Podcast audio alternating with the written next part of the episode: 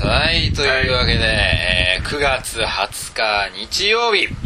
第34回というわけで、はい、したね、34回いましたよ。今頃我々はね、白馬にいるはずですね。そうですね。ねえ、ONC の合宿と称してね、白馬村に今いるはずなんですが、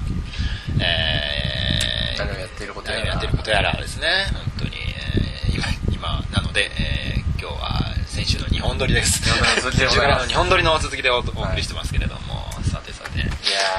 ー、しかも俺この前さ、はい、あのー、タバコを吸うじゃないですうん、か。で、自販機でね、はいはいタバコを買おうと思って、はい、はい、で、あのー、マルボロライト320円うん、でうん、 500円玉を入れたんですよ。はいはい、で、500円玉を入れて、320円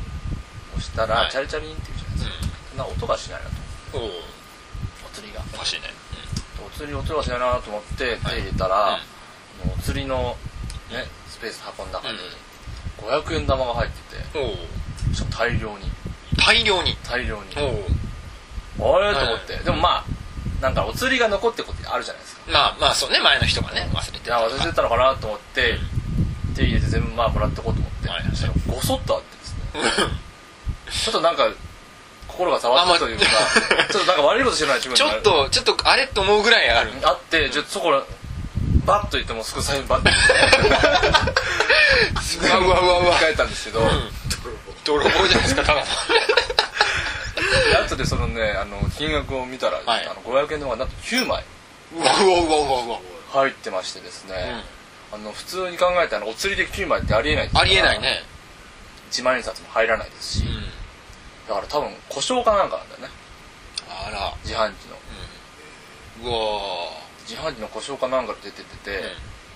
れ4500円もあるから、うんちょっと割とちょっとなんかなんだろうなと思っうて、ん。俺に一回食事をおごるぐらいの金額だね。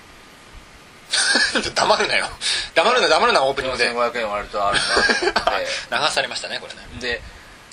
ちょっとあのあぶく銭ですからはいはい。僕みたいな粋な人間はねええそのあぶく銭でもっても飯を食ったりだと かよ、良い腰の金はもうダメ後ろから持たない貯金してんじゃない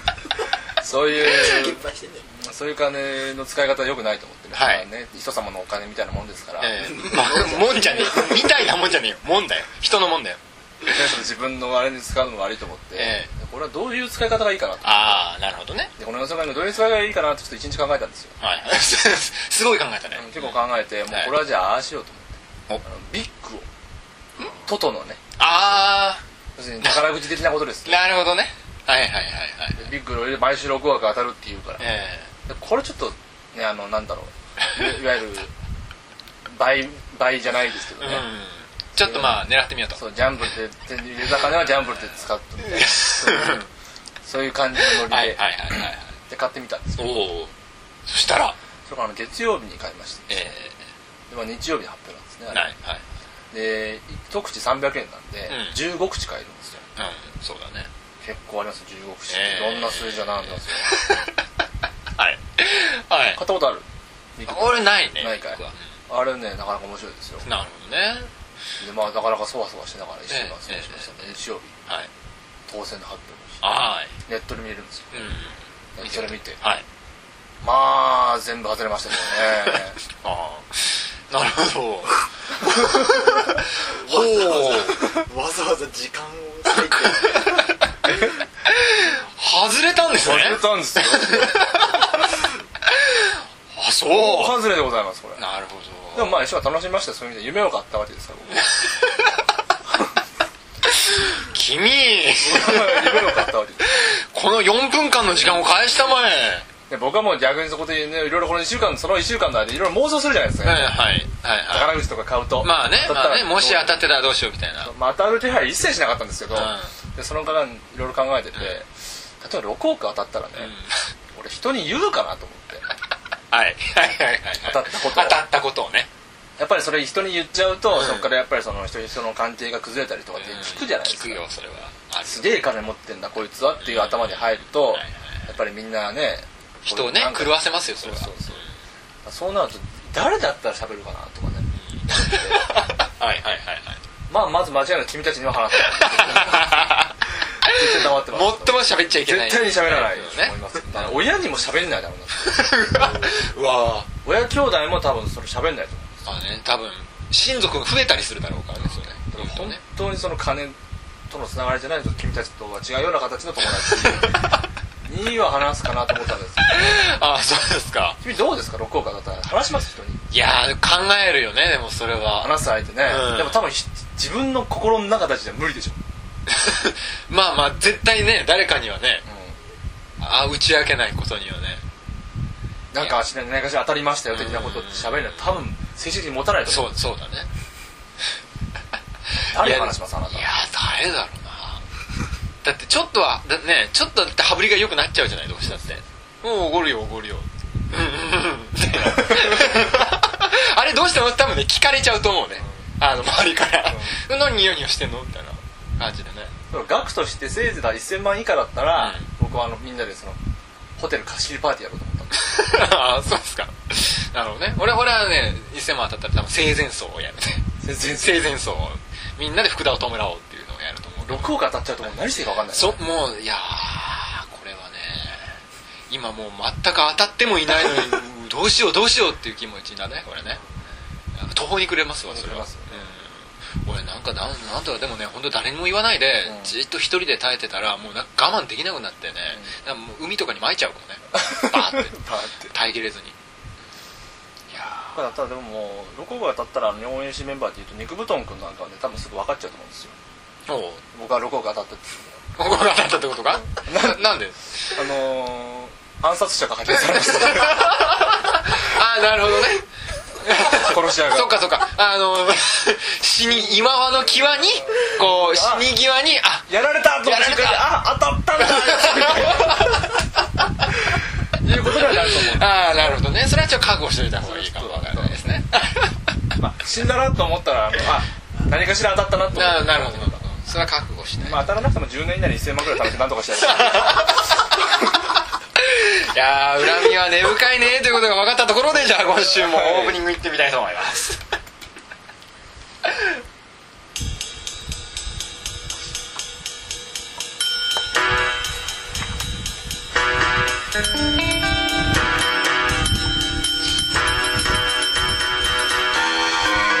と福助の「お金をあげるから付き合ってください」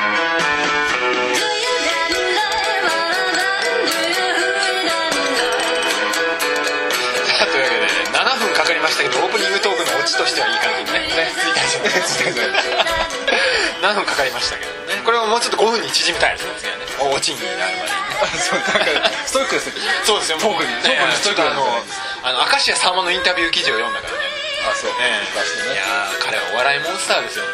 本当にすごいね君は明石家さんまにはなれなないれないけどなれないけどもやっぱりねちょっと日頃のトークでもねこう分かりやすくオチを作るということも考えていこうかなとあそうなんて思ったりなんかしてるんだけどね、えーまあできるはずもないわけですけれどもねさあというわけでえーとじゃああれかいなんか、え2本撮りですから先週の分そのうですね時に収録した時に君はあれだよねあの合コンのお誘いメールをあそうですねじゃあそれはもう次のコーナー送ってたじゃないですかやはりいましょうはいはい、ははいい、じゃあちょっとまあ次のコーナーに行かせてもらいますけれどもさあ、 えー次はですね、えー先週のじゃあ気になる結果の発表も兼ねつつのこのコーナーでございますどうぞ MST が彼女を作る15の方法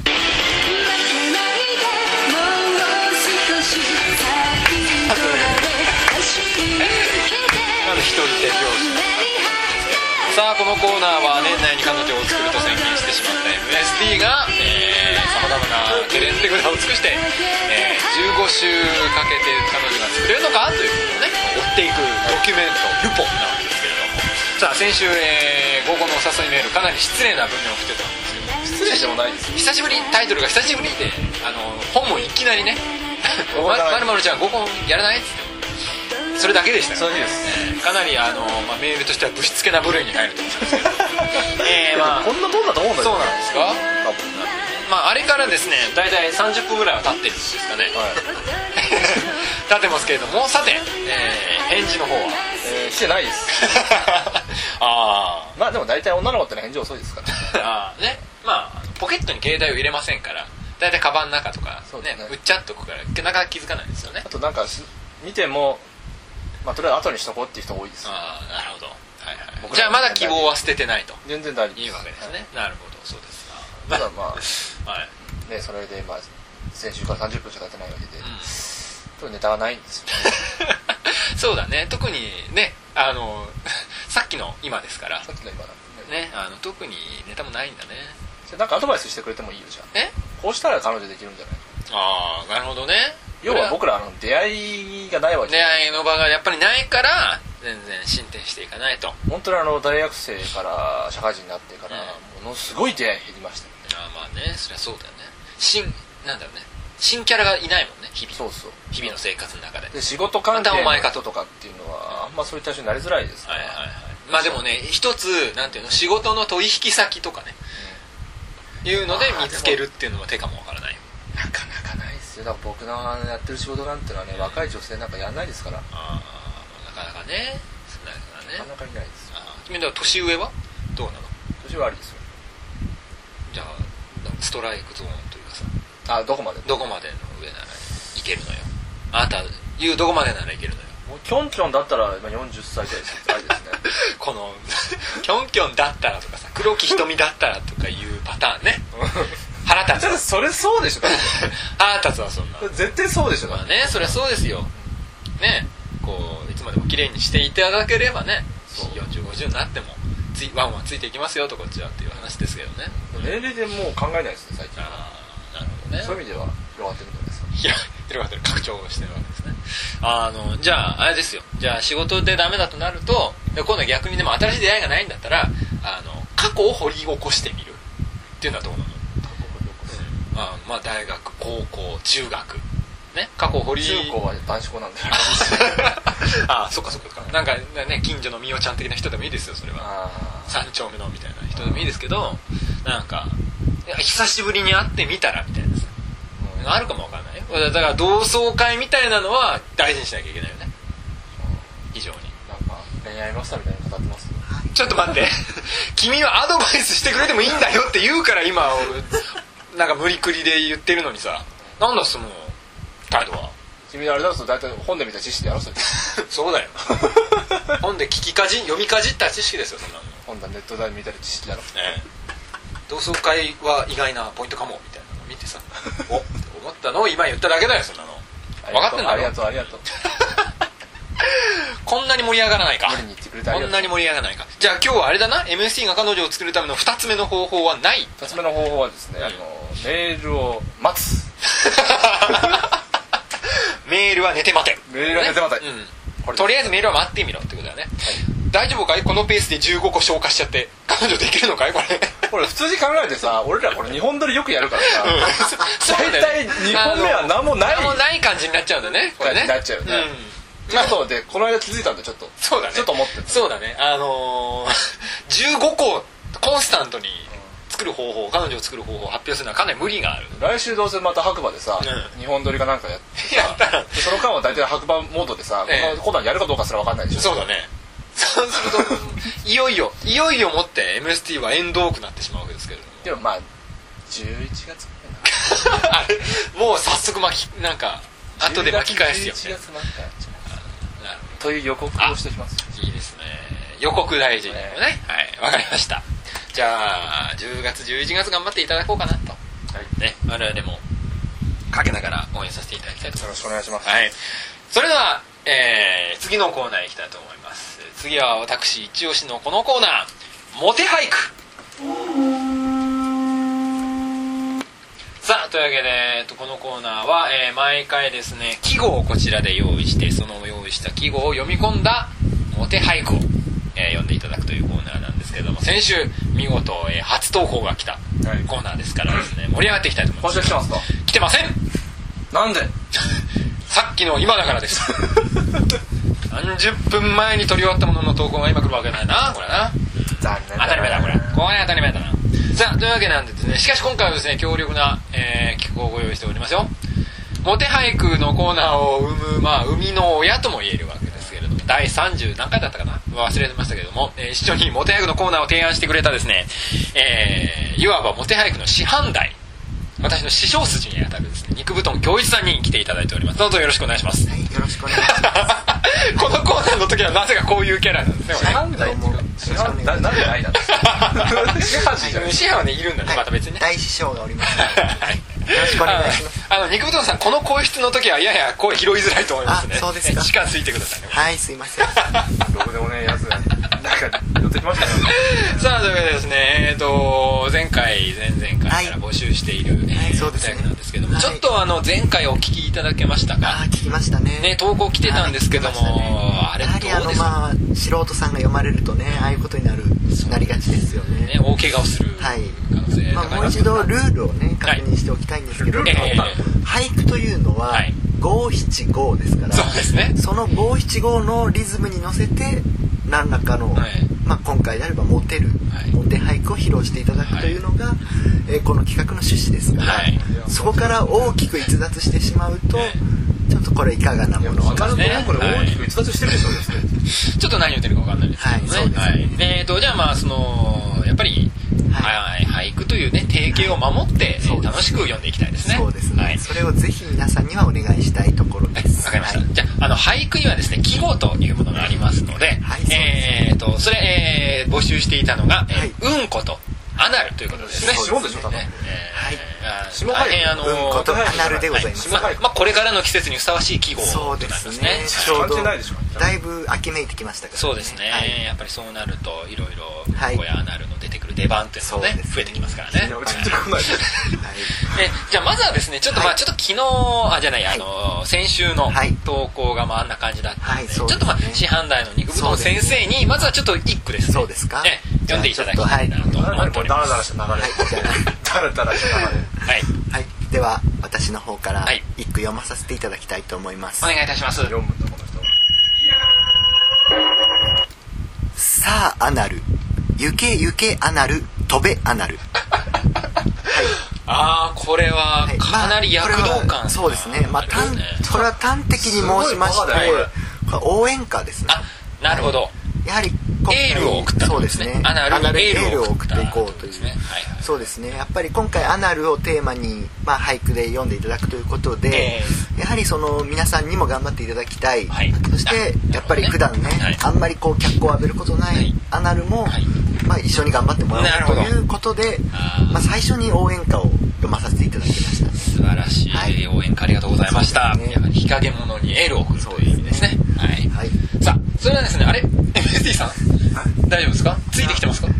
う勝手に。参加してください MSD さんもねいいんですよどんどん入ってきてくださいね君たち何か感じないですかえまあ、こんな2分ぐらいの間どうしましたすでに何かを感じてもいいと思いますよ。かなりの手応えを感じていま行きすけど詰まりですよ、行き詰まり。どうしましたかねちょっとねあこの人のキャラもね、行き詰まりを感じなかったですよ、今。その頃キャラって何ですかふん詰まりで すかふん詰まってるんじゃないあでとすちょっかとやりづらさを感じるでしょ2分ぐらいでも全然大丈夫ですよさあというわけでですね、ちょっとですねあのーはいまあ、いわば師範代のい肉布団先生の一番弟子とも言える私がですね,、そうですね今回は、えーアナル俳句の、まあ、連作をちょっと作ってきたんですどうね しようもねえしなるほど前作ですかはいあの次々読まさせていただいていいでしょうなかるほど、ねわかりました、はいじゃあ MSD さんもね心今して週聞はいてこれからでもう終わったというかなりいっぱい作ってきたんですねはい次々読ませていただきたいと思いますははいい、えー、とじゃあまず1個目はですね、まあはいまあ、軽いジャブといった感じであなるほど基本を踏まえた感じでいきたいと思います,、そはい、それではいきます恥ずかしいアナルがあったら入りたいなるほどそうです ねこれどんどん読むんですかえー、あいや今感が感想などは何かあればはいなるほど、えーあやっぱりねこういう、まあ、穴があったら入りたいというのはよく言いますけども、ええはいやっぱり穴がない場合は多々ありますか ら、ええまそあしてやっぱり一番身近にある穴は何だろうなと考えた時 にやっぱりまあ穴がそうですよねそうですよねうんまあはいそうなってきますよね、うんやはりちょっとまあその自分がはいの出したものへと戻ってきたい、うんそうですねえー一番こう直近で恥ずかしさを埋めたいというそうですまあ、まずはちょっとまあ基本を踏まえた感じでこれもうこの時点であのリスナー置いてけぼりだよ非常にベーシックなタイプそうですね、はい、はいかなり基本に忠実な、はいいいと思いますよはい、食べますいただきました、それでは次行ってみたいどんどん行ってみたいと思います、次ですへへじゃあお返しましょう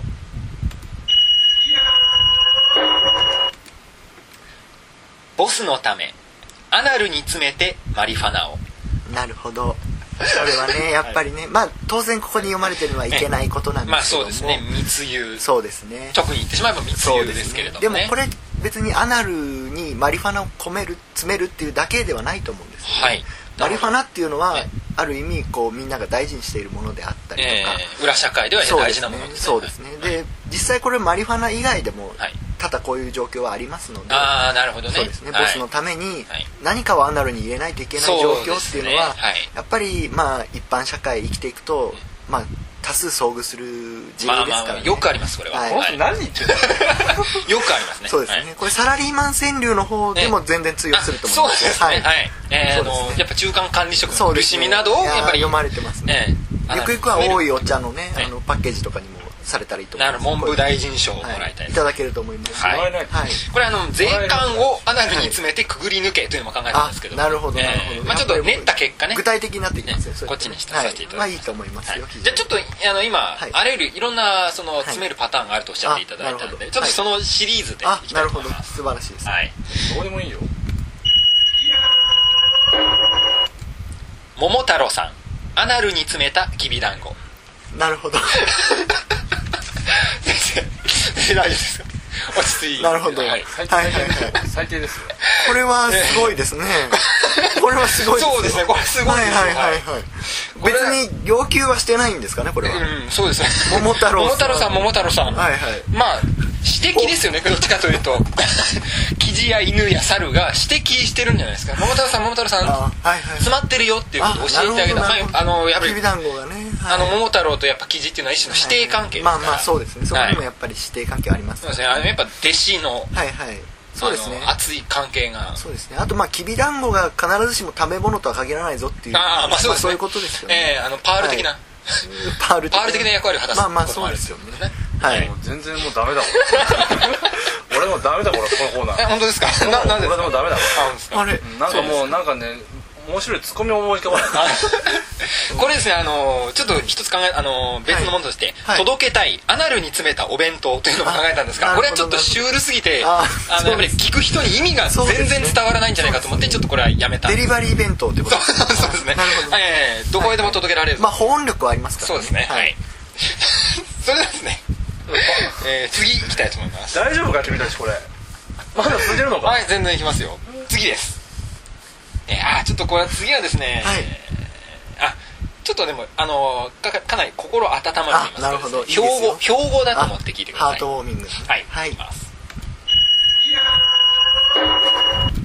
広げようアナルの穴と地域の輪ああなるほどね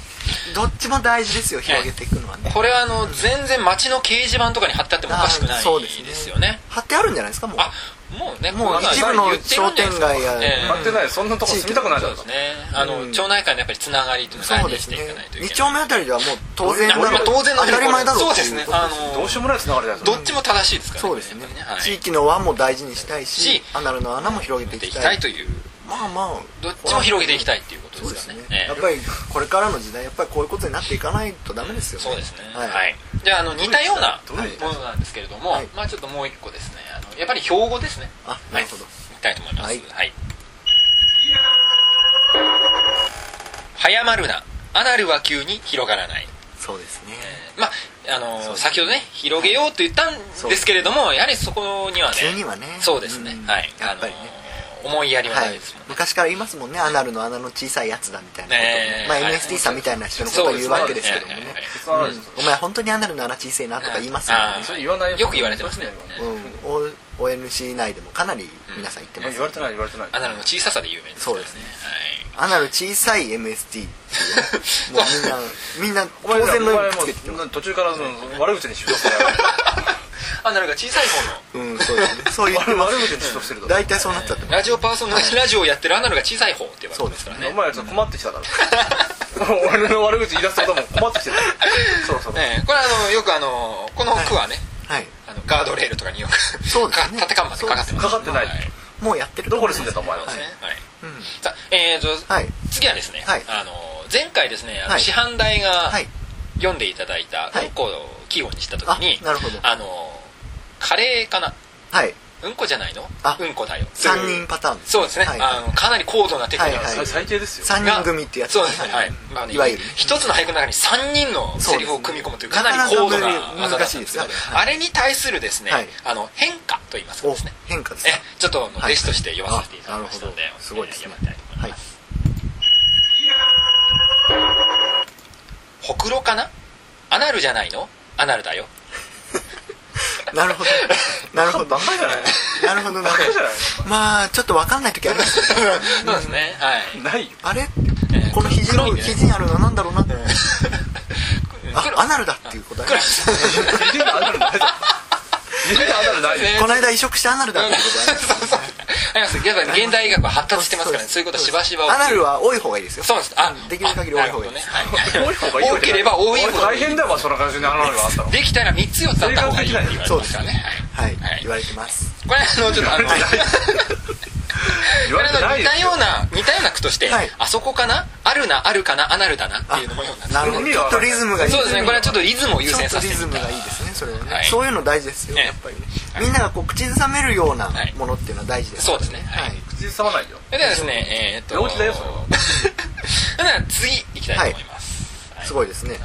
どんどんいきますよ湯水のように湧き出ちゃったすごいですねちょっと、はい、ご乱心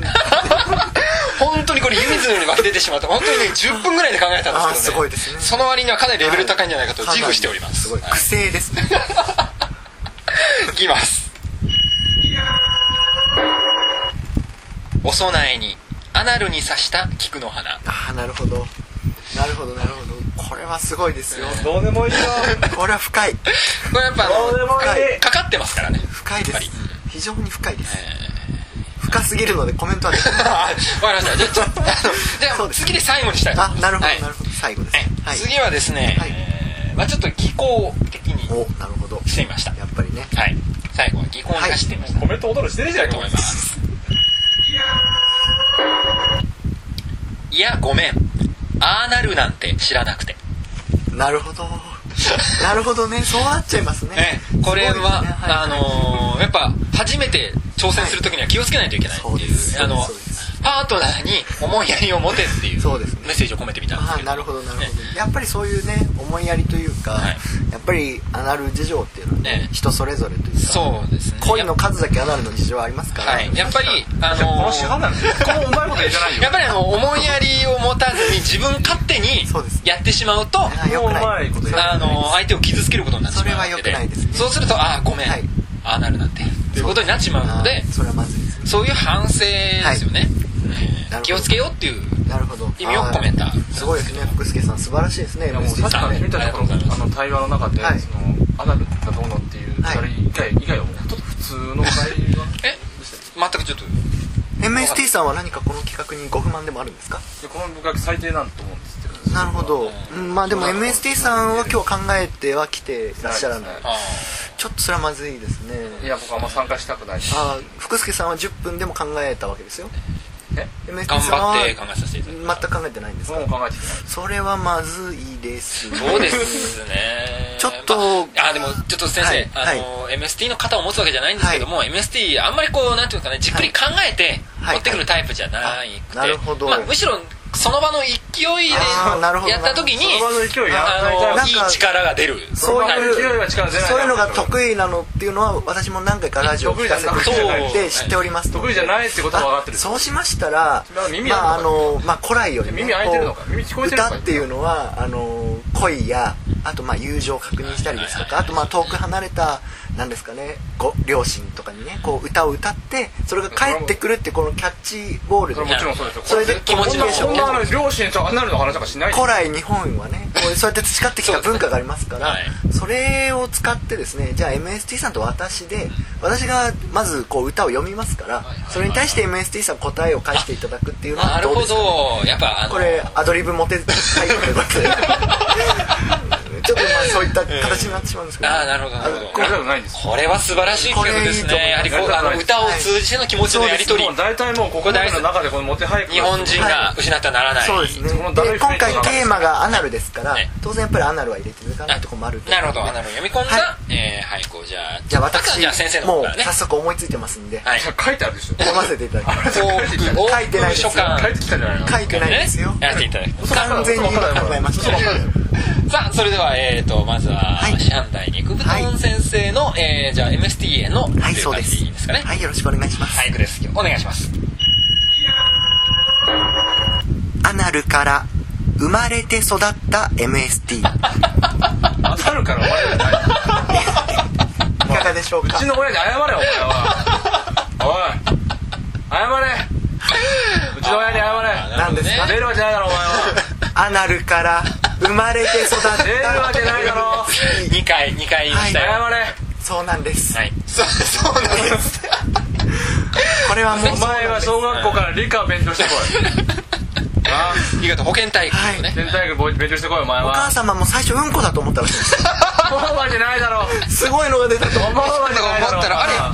あれまあそうですそう俺ですがパンパンで晴れるやんえらい水っぽいのが出たなと思ったら用水用水だったっていう、うん、違ってうんこじゃなかったんですねそうですねはうんこのわけないだろうがお前い、そこがやっぱりねこれ先々週分前々回分のうんことアナルが両方こうなるほどね生まれてきた MST がうんこだっていうところもちょっとこうかかったっていうああもう季語2つも読み込んでき二つ入れちゃってますからねかなり高度なテクニックこでうすねそう全然面白くないよでもこれに対して MST さんが何て返すのかっていうのがそうですねこれが重要やっぱり皆さんねね注目するところですからぜひお願いいたしますはいそれでは、えー、とこれに対する変化を MS に読んでいただきたいと思いますそれではじゃあ、えー、とすぐにさサクッと言っていただいてはい大丈夫ですはいいきますいやうんこでも食ってりゃいいじゃん肉布団好きなんだなうんこがお前うんこが好きなんだろうよ なるほどああ悪くな い悪くないでですす